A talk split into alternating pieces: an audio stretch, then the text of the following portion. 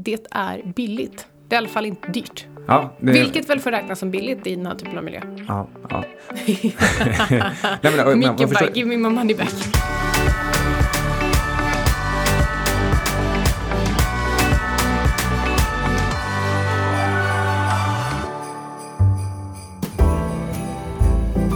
Det är en alldeles speciell dag idag. vad är det för dag idag? Det är min namnsdag. Ja, Anna. Eller Exakt. något av dina hemliga namn? Du lyssnar på Outsiders. Men jag vill inte att folk ska googla nu. Jag heter Margareta i andra namn, så nu vet ni det. Maggan. Maggan heter jag, jag kalla henne. efter min mormor. Ja, hur är läget? Vad har vi mer för, eh, för namn med oss? Alexander Marton. Mm. Det är vår eh, ljudeditör. Vad hade vi gjort utan honom? Ingenting. Nej, det hade vi inte. Ja, vad, vad sa du? Hur mår du?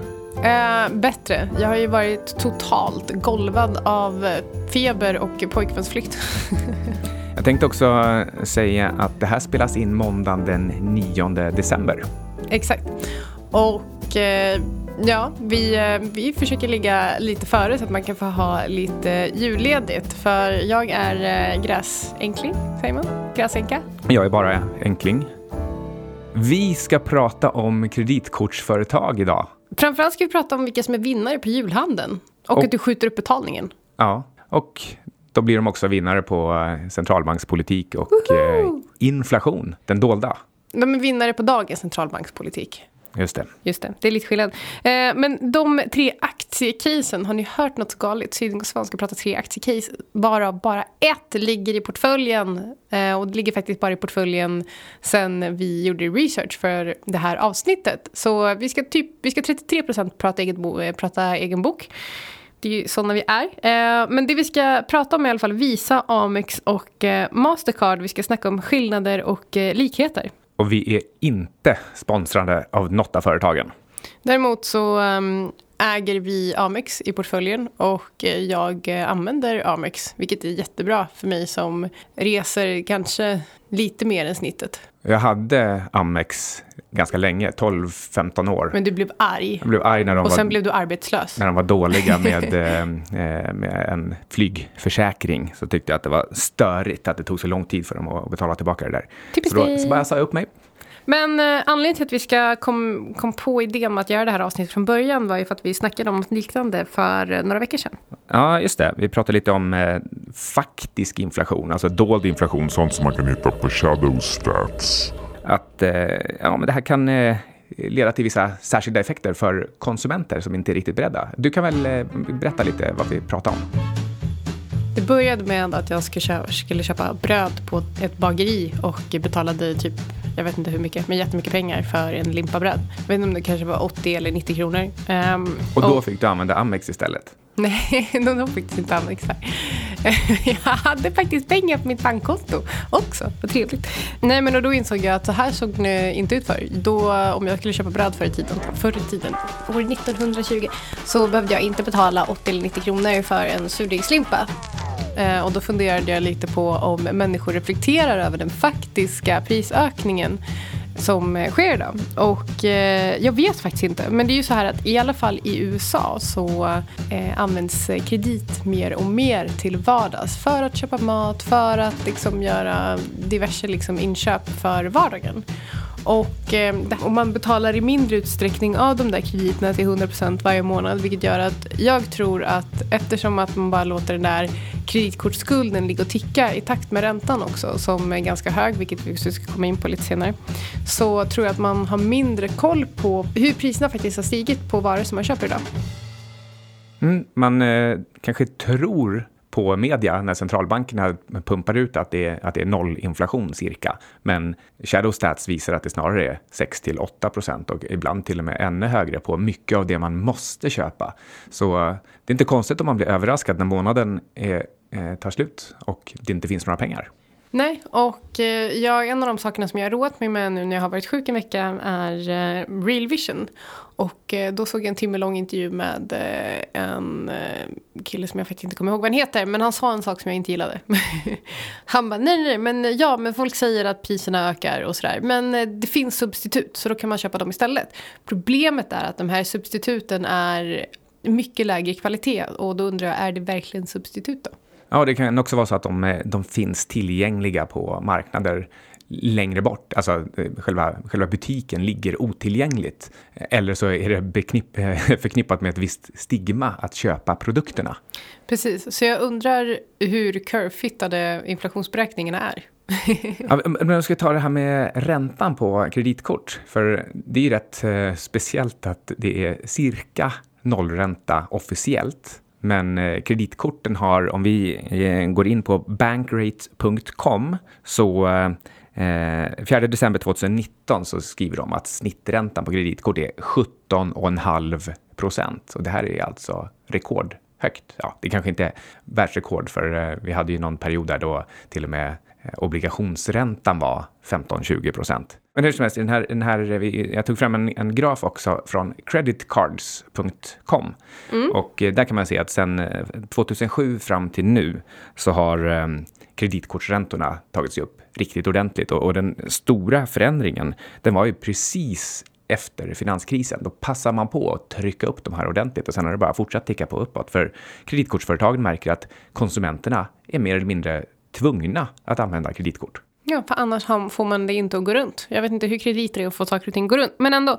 Men det har ju dippat lite, typ senaste året, senaste halvåret. Mm, precis, lite, lite grann. Ja. Um, men, eh, Marginellt. Men jag tror, just det, eh, när jag sa det här med rekordhöga räntor, själva kreditkortsspreaden den är ju rekordstor. Exakt, och en räntespread är alltså skillnaden mellan en ränta och en annan. Och eh, det som är intressant är alltså att kreditkortsräntorna är snorhöga och den faktiska räntan snorlåg. Så att eh, den här spreaden, eh, den går rakt ner i fickan på aktieägarna i kreditkortsbolagen.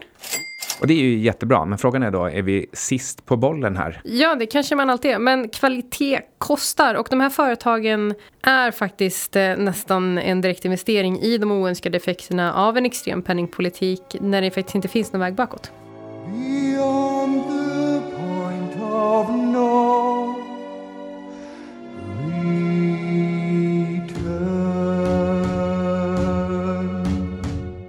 Vi har ju börjat göra exempelportföljer hos vår samarbetspartner Fontobel för att visa hur man kan använda deras produkter som ett komplement till sin portfölj. Ja, det här är alltså hävstångsprodukter och de kan ju bland annat användas vid tillfällen som när man vill ha en kortsiktig hedge eller boosta en eh, långsiktig position vid eh, en särskild händelse. Och det kan dessutom vara för en planerad nyhet eller efter en överreaktion på en nyhet. Så vi har med oss ett litet case idag och eh, det är eh, kort och lång på guld och silver. Ponera att priset på guld eller silver har fallit och mönstret passar in i att den längre positiva trenden är intakt. Lite som att det ser ut idag. Och du dessutom gör analysen att en fortsatt svag ekonomi kommer leda till ökade stimulanser.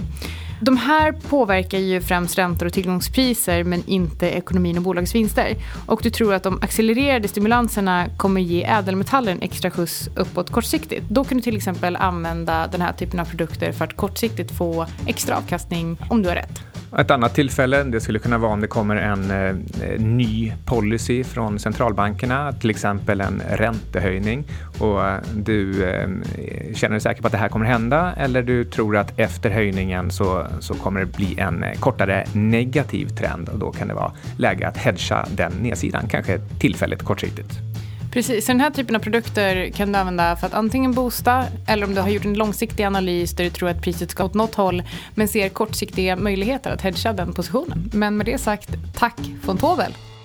Nu eh, tar vi och tittar på lite konkreta siffror på de här bolagen. Visa och Mastercard, det är ju två av världens största börsföretag. Eh, och de har börsvärden på 400 respektive 300 miljarder dollar. Men vad är det mellan vänner? Ja, nästan ingenting, i alla fall inte om man är en centralbank. Men Amex är eh, en tredjedel till en fjärdedel så stor, för de är bara, bara värda 100 miljarder dollar. Eh, men de gör faktiskt typ lika mycket vinst som de andra. Ja, och hur, eh, varför är det så egentligen? Ja, du, jag tror att det är en sak som jag tycker att vi borde få bakläxa på som vi inte har tittat på. Det skulle, vara, det skulle vara att jag är lite nyfiken på att se hur kreditförlusterna har sett ut under ekonomiska kriser. Eh, och jämföra det mellan de tre olika bolagen. För att det är ju så här att Visa och Mastercard växer snabbare än Amex. Men jag har ju en teori om att eh, Amex har en lite mer nischad eh, målgrupp. Och dessutom så gör de en annan typ av bedömning på, kreditbedömning på kunderna innan de tar in dem. Så, och dessutom är det här, Amex är dessutom ett extra kort. Visa och Mastercard är ju ofta i alla fall huvudkortet man använder sig av. Mm. Det, på ett sätt så är det ändå lite märkligt att Visa och Mastercard som växer så mycket snabbare än, än Amex. Alltså, en, en tolkning skulle kunna vara att Amex vill behålla sitt varumärke och, och satsa på att vara lite flashigare, lite mer exklusiva. Ja, men lite mer premiumkunder, men också för att de vill ha större kontroll, kontroll på vilka människor de ger krediter. Och det är inte så konstigt, för jag menar annars kanske man kan få den här Klarna-effekten. När Klarna inte hade koll på vilka, USA som, vilka privatpersoner i USA som handlade på faktura. Och eh, i och med att de inte kunde göra en riktig kreditbedömning eh, i den eh, i den geografin ännu så fick de också ta jättestora kreditförluster. Och eh, det är därför som jag önskar att vi hade varit lite förutseende på det här och eh, faktiskt kollat upp kreditförlusterna på de, olika, på de här tre bolagen. Mm. En annan sak som jag tänker är också att om, för om vi tittar på um, Afrika som är ju en superintressant marknad om vi tittar på um, fintech. Och där är ju många eh, i många fall så att man har gått från Eh, man har gått direkt från att använda kontanter till att ha mobila digitala lösningar istället för kort. Man har hoppat över den här, eh, man har hoppat över kort helt. Och då är det egentligen om Visa eller Mastercard, för jag tror inte att Amex är aktuellt i den, här, i den här ekvationen. Om Visa eller Mastercard blir de som är störst och snabbast med att ta sig in på den marknaden med eh, ett slags digitalt kort så tror jag att de kan växa ännu snabbare på den marknaden. Mm. Ehm, en annan fundering är att om nu Visa och Mastercard har vuxit med ungefär 20 procent per år de senaste fem åren, alltså då pratar vi vinsttillväxten, cirka 20 procent. Eh, och eh, framöver så väntas de växa med ungefär 15 procent per år. Eh, då, alltså med den, med den höga tillväxttakten, som alltså då är nä, nästan dubbelt så hög som för Amex, då borde egentligen risken att dra på sig kreditförluster vara större. Så det, det hade ju som sagt varit intressant att ha den här datan, för, för då kanske man, man kan kanske se någon slags eh, växeldragning där Amex hade stora kreditförluster och det ligger fortfarande kvar och, och, och bekymrar vissa ägare. Absolut. Och man, man kan se till exempel i eh, nedgången 2008 då föll visserligen eh, eh, Visa och Mastercard ganska mycket, alltså typ halverades. Men eh, Amex föll från ungefär 70 till 10. Mm, absolut. Men en annan sak som jag tycker är lite intressant eh, om man jämför de här bolagen, det är att titta på multiplarna. Vilket är också helt sinnessjukt. Mm. Dra några. Ja, men om vi tittar på, för när jag tittade på Amex så eh, så blev jag superförvånad när både price sales var lågt och P-talet är förhållandevis lågt. Eh, P 16 mot eh, Visa som har P 36 och Mastercard 44. Ja, och, och, det är inte som så att Amex inte växer, utan de, de växer ju då med ungefär 10 procent per år. Så de växer ju också liksom snabbare än börsen? Ja, och har ungefär samma eller egentligen lägre P tal än börsen. För det, efter 2019 så har ju snitt P talet gått upp rätt ordentligt. Precis. Så det är ju också intressant. Så jag blev förvånad när jag tittade på ett bolag som någonstans borde kanske räknas som eh, fintech kanske att ta i, men nästan. Och insåg att det är billigt. Det är i alla fall inte dyrt. Ja, det... Vilket väl får räknas som billigt i den här typen av miljö. Ja, ja. nej, men, förstår, give me my money back. Nej, men man förstår ju så här också att om man, om man börjar med att titta på Visa och Mastercard och så ser man multiplarna och man ser tillväxten och man funderar lite fram och tillbaka. Och, och sen går man in och tittar på Amex och så ser man att det är ett helt annat djur. Vad, liksom, eh, frågan är faktiskt lite grann också hur olika djur är de här? För eh, Visa och Mastercard eh, de behandlar ju också egentligen främst eh, andra bankers betalningar. Så att det är olika, olika banker eller, eller företag som ger ut kort eh, som det står ett litet Mastercard på och, och sen eh, går alla transaktionerna till Visa och Mastercard så kan de processa de här.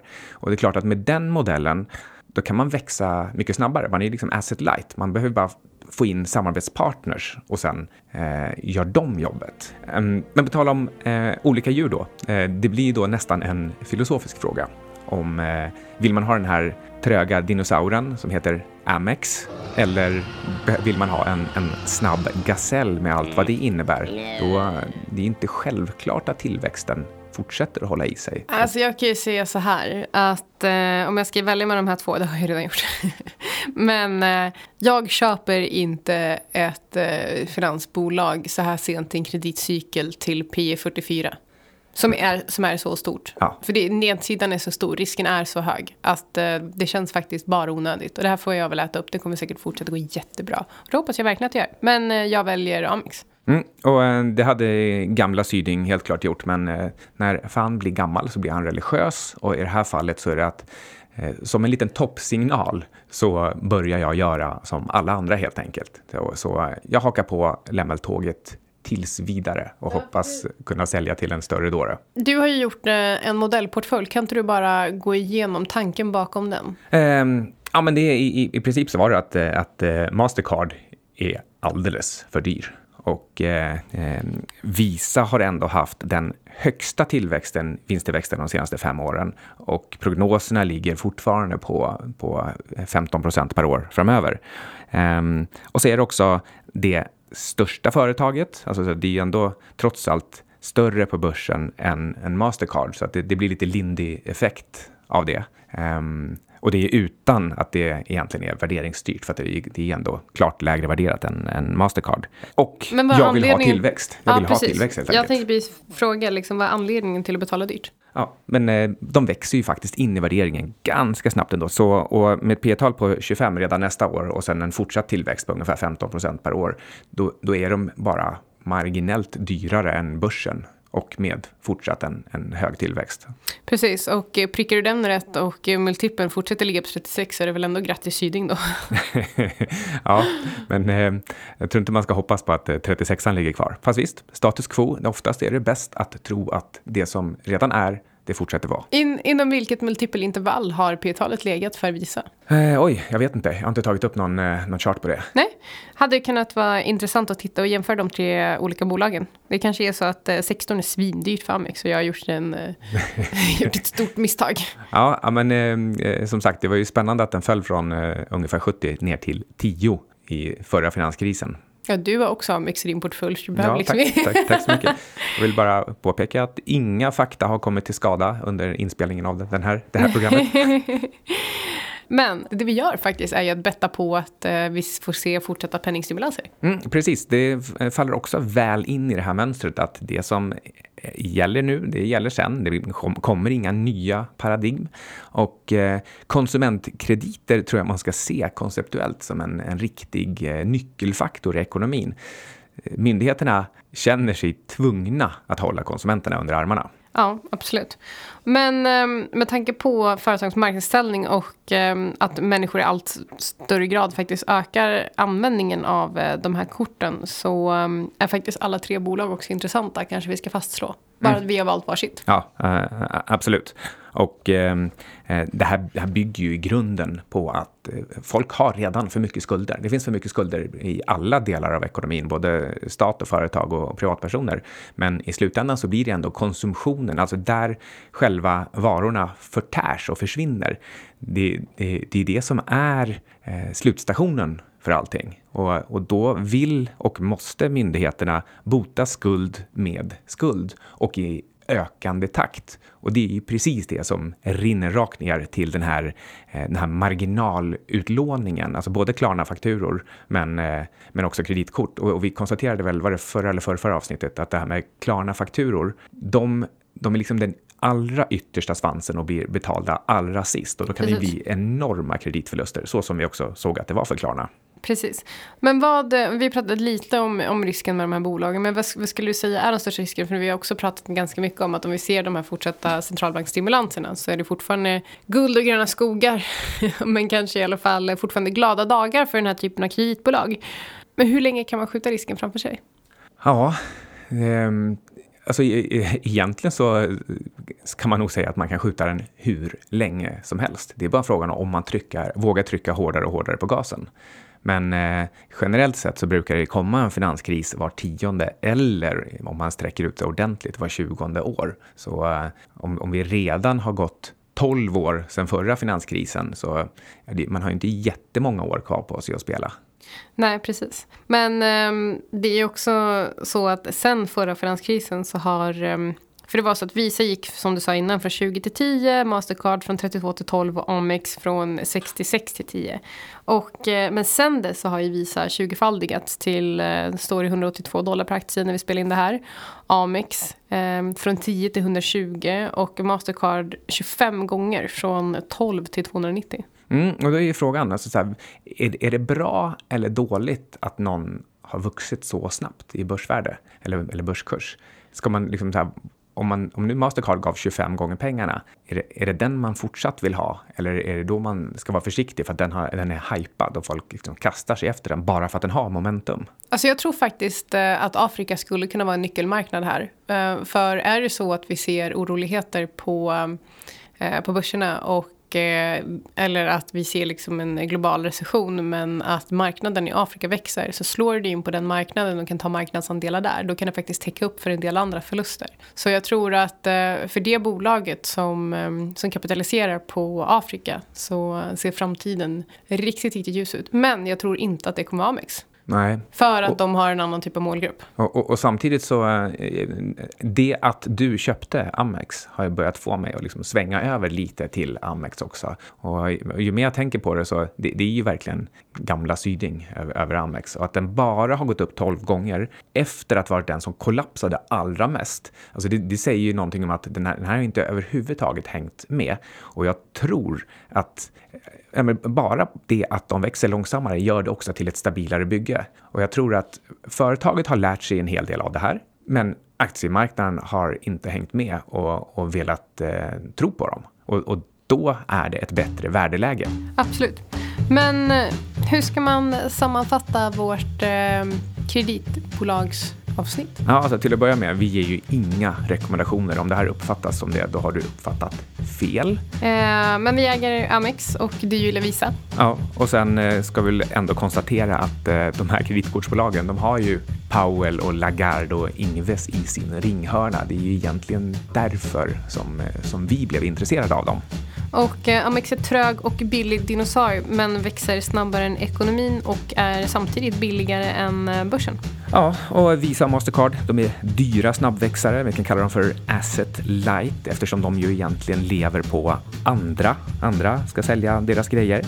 Ehm, och jag vill ju ändå liksom lyfta fram att de ganska snabbt växer in i sina värderingar, eller åtminstone visa. Och kom ihåg nedsidan 2008. Gör din egen analys. Och eh, det här är menat som underhållning och inte som en rekommendation som du var inne på innan. Då närmar vi oss jul helt enkelt och Outsiders tackar för oss. Rudolph,